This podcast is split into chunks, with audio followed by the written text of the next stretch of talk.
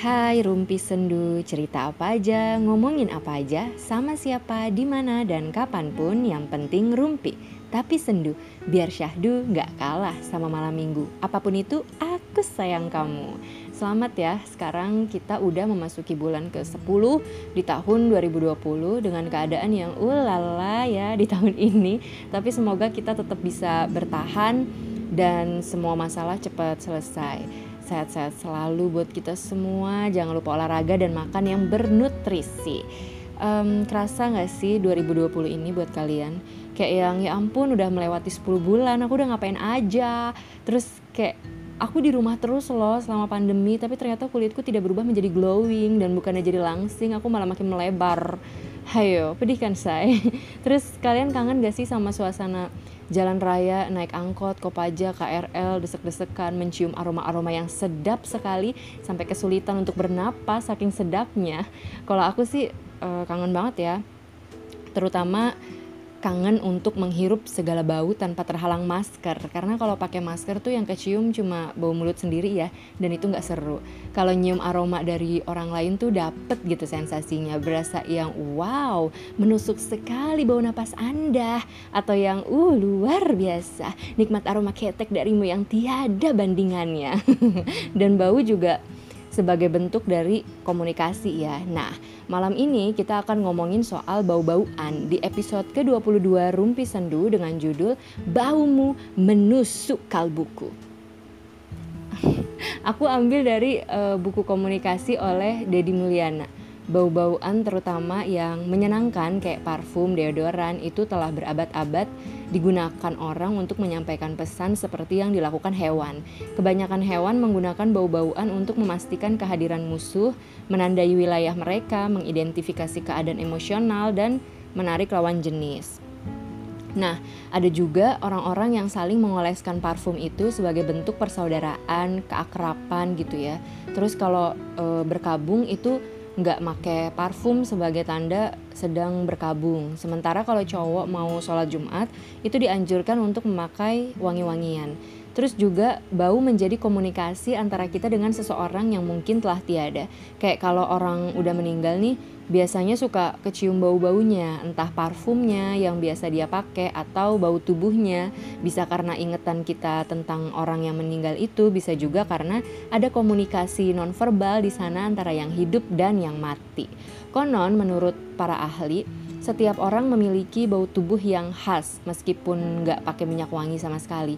Dan bau tubuh ini bukan bau dari keringet gitu ya tapi emang bener-bener bau tubuh kita masing-masing yang ditebarkan oleh senyawa kimia yang dihasilkan dari kelenjar tertentu dalam tubuh kita. Makanya kalau pakai minyak wangi gitu ya minyak wanginya sama tapi di badan wow ada piring jatuh. Dan apa di di badan orang tuh jadinya beda-beda gitu padahal minyak wanginya sama. Itu karena bau tubuh kita yang khas dan setiap orang berbeda-beda. Uh, perlu kepekaan buat kita mengetahui bau tubuh alami seseorang. Selama ini kan yang biasa kita cium itu bau keringet ya bau ketek bau kaki bau napas bau selangkangan. Kalau bau alami seseorang ini bisa dikenali oleh pasangan suami istri atau orang yang memang sudah lama saling berdekatan.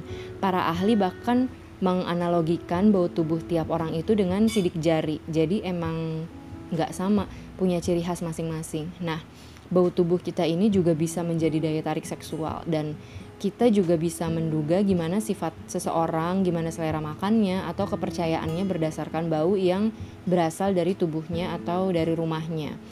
Tiap aku ke rumah orang nih ya, aku tuh selalu merasakan bau-bau yang khas ya dari rumah mereka. Tapi bukan uh, bukan bau makanan atau parfum atau bau sampah gitu. Kalian gitu gak sih? Kayak uh, kayak bau yang sulit untuk dideskripsikan dan khas gitu dari setiap rumah. Dan tiap rumah itu aromanya beda-beda. Tapi ada juga yang mirip-mirip gitu baunya. Jadi kayak aku nih orangnya kan uh, agak sensitif sama bau ya. Jadi ingatan aku tentang bau itu lebih tajam gitu. Bahkan sampai sekarang aku masih ingat bau mulut sahabat SD aku bau parfum teman SMA aku dan bau beberapa orang yang pernah aku kenal. Nah ketika aku main ke rumah orang dan otomatis akan merasakan aroma khas dari rumah itu yang entah apa itu kepala aku merekam baunya kan. Terus suatu saat pergi ke rumah orang yang ternyata uh, baunya tuh mirip juga gitu kayak gitu. Aku langsung yang ih kok bisa? Langsung mikir kan. Lama-lama jadi merhatiin apa penyebabnya rumah si A sama si X baunya sama. Terus bau badan mereka juga ternyata agak mirip. Kenapa bisa kayak gitu? Nah tahun kemarin aku nonton film Parasite.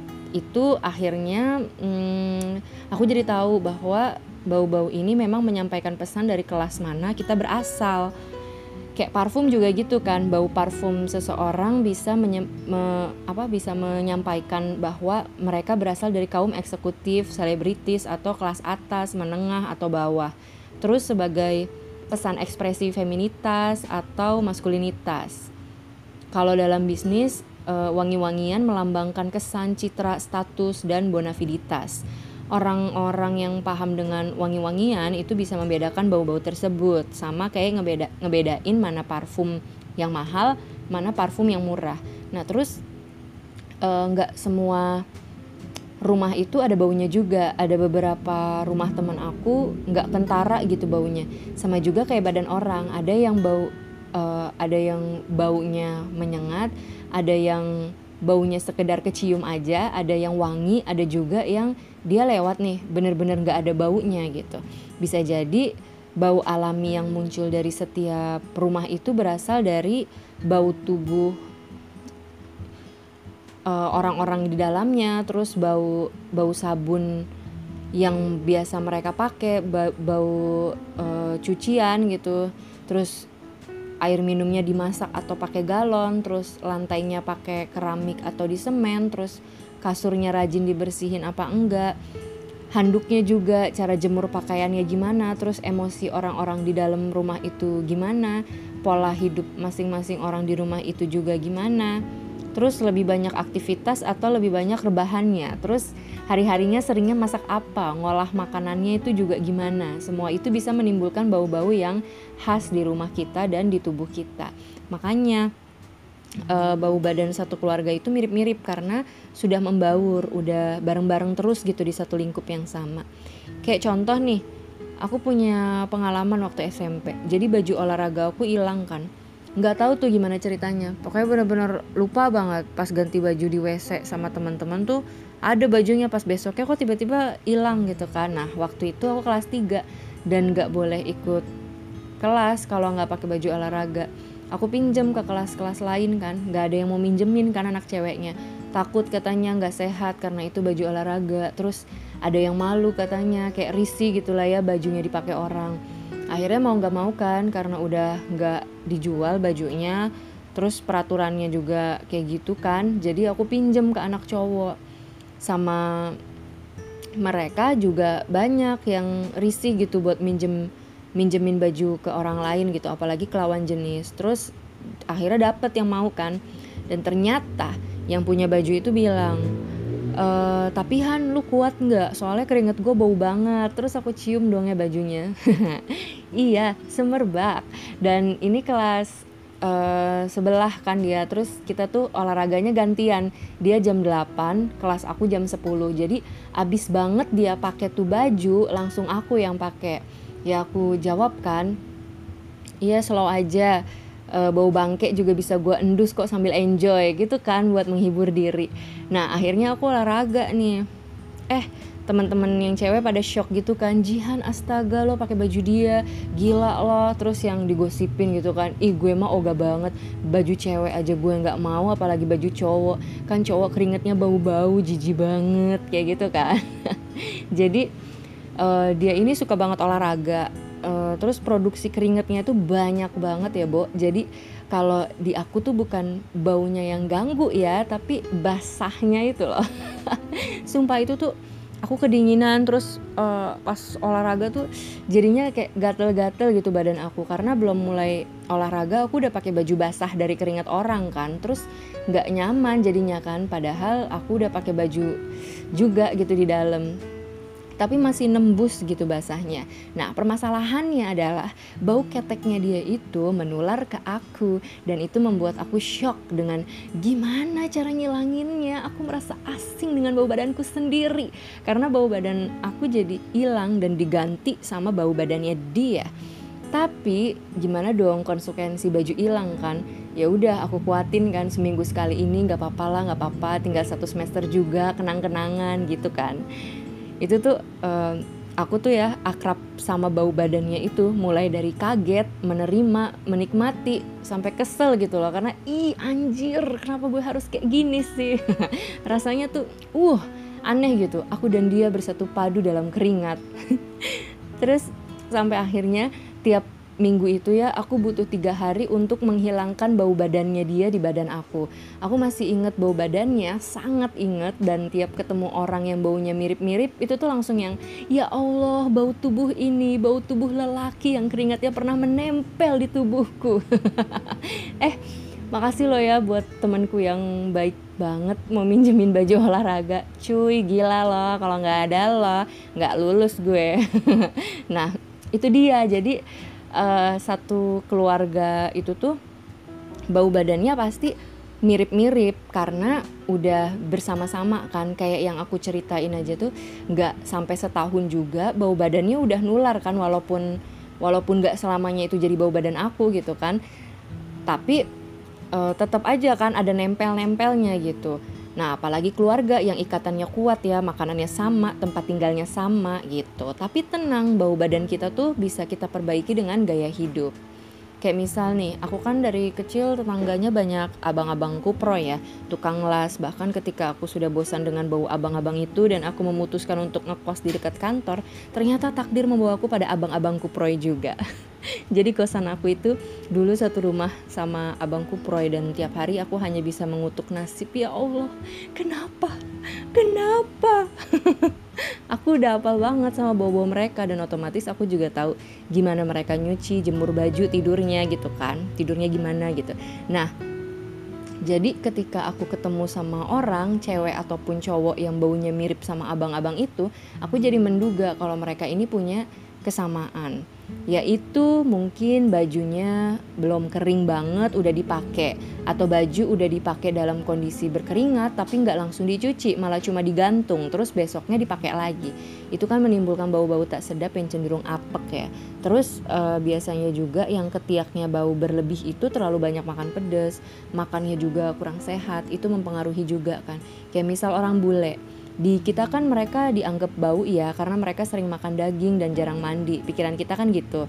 Nah sama menurut mereka kita juga bau karena kita suka bergunjing makan bangkai saudara sendiri eh. Salah. Tapi itu belum tentu bener kan sama kayak yang aku bilang soal abangku proyek tadi. Bisa jadi bener-bener eh bisa jadi bener gitu yang dibilang aku tadi bisa jadi salah gitu. Bisa aja ada penyebab lain dari yang aku sebutin tadi kan tapi yang jelas bau keringet kita ini bisa disamarkan. Kalau emang susah buat mengubah pola hidup, bisalah pakai deodoran, pakai parfum, terus mandi ya kan. Dan biasanya juga kalau kita bau badan atau bau mulut tuh berarti ada penyakit di dalam tubuh. Kayak orang nih hari-harinya makan buah sama sayur, minum air putih cukup, gizi seimbang, mulutnya pasti kalau ngomong nggak nggak bau menyengat gitu. Tapi kalau orang yang makannya sembarangan, terus tenggorokannya banyak lendir, jarang minum air putih, napasnya pasti berbau kan. Tapi bisa juga diredakan dengan uh, makan permen karet, minum air putih biar nggak kering gitu kan. Pasti pernah dong ketemu orang yang mulutnya bau banget, bahkan dia tutup mulutnya pakai masker pun baunya tetap songong gitu kan. Aku pernah tuh dan karena aku peduli dengan ketentraman hidup orang lain ya cia jadi tuh e, dari aku SMP sam sampai sekarang tuh ke mana-mana tuh aku bawa permen karet supaya aku nggak mengganggu komunikasi dengan orang lain. Terus kalau ada yang pahit mulutnya bisa ngunyah permen karet kan biar enak gitu ngomongnya. Terus e, sekalian jadi pertukaran ini aja gitu. Misalnya ketemu orang kasih nih permen karet kan jadi lebih akrab biasanya kan. Kalau orang-orang uh, dengan selfie jadi akrab kalau aku dengan permen karet jadi akrab bo. Nah terus um, orang ini aku tawarin permen karet nggak mau. Terus aku bingung kan aduh gimana ya masalahnya? Sekuat-kuatnya gue nahan bau busuk tetap aja suka pusing kan kalau lu ngomong mulu ya kan? Dan aku kan permen karetnya tuh satu botol ya jadi aku bawa-bawa ke mana-mana dan sama yang lain ini pada mau biasanya kalau aku tawarin kan. Walaupun mereka nggak bau mulut juga tapi emang kayaknya ngunyah permen karet tuh bisa jadi bikin lebih percaya diri aja gitu kan karena lebih seger mulutnya. Nah, mereka udah pada ngambil si yang satu ini bener-bener nggak -bener pernah mau makan permen karet. Jadi kita bingung gitu gimana ya negurnya biar dia sadar kalau mulutnya itu bau. Sampai akhirnya aku tanya kan suatu ketika kamu bibirnya pecah-pecah terus ya uh, sariawan? Terus dia bilang enggak aku asam lambung kronis. Oh pantes mulutnya bau ada masalah pencernaan gitu kan di pikiran aku. Soalnya aku pernah baca juga tuh kalau orang ada masalah pencernaan pasti terganggu bau mulutnya. Terus uh, dia sering gusi berdarah juga kan tapi nggak nggak diobatin gitu. Udah berbagai cara tetap dianya tuh nggak peka gitu kan. Ya udah jadi kita cuma bisa pasrah gitu. Mau ngomong nggak enak gitu gimana bilangnya kan. Jadi ya udahlah diemin aja sabar sabarin aja. Kadang tuh orang yang menimbulkan bau yang meresahkan orang sekitar tuh nggak sadar gitu kalau dirinya bau kan. Kayak waktu sekolah pasti banyak kan yang bau ketek tapi tuh nggak sadar gitu dan akhirnya malah jadi omongan orang kan digosipin di belakang. Dan selalu pasti orang yang e, gosipin itu berawal dari teguran-teguran kecil yang diabaikan oleh orang itu terus soal bau ini kan sensitif ya kayak seolah-olah menjijikan banget gitu.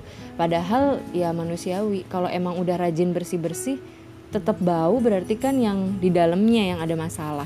Gimana caranya kita menjaga diri kita sebelum orang lain terganggu sama keberadaan kita? Karena bau badan dan bau mulut kan bisa mengganggu hubungan dengan orang lain juga kan.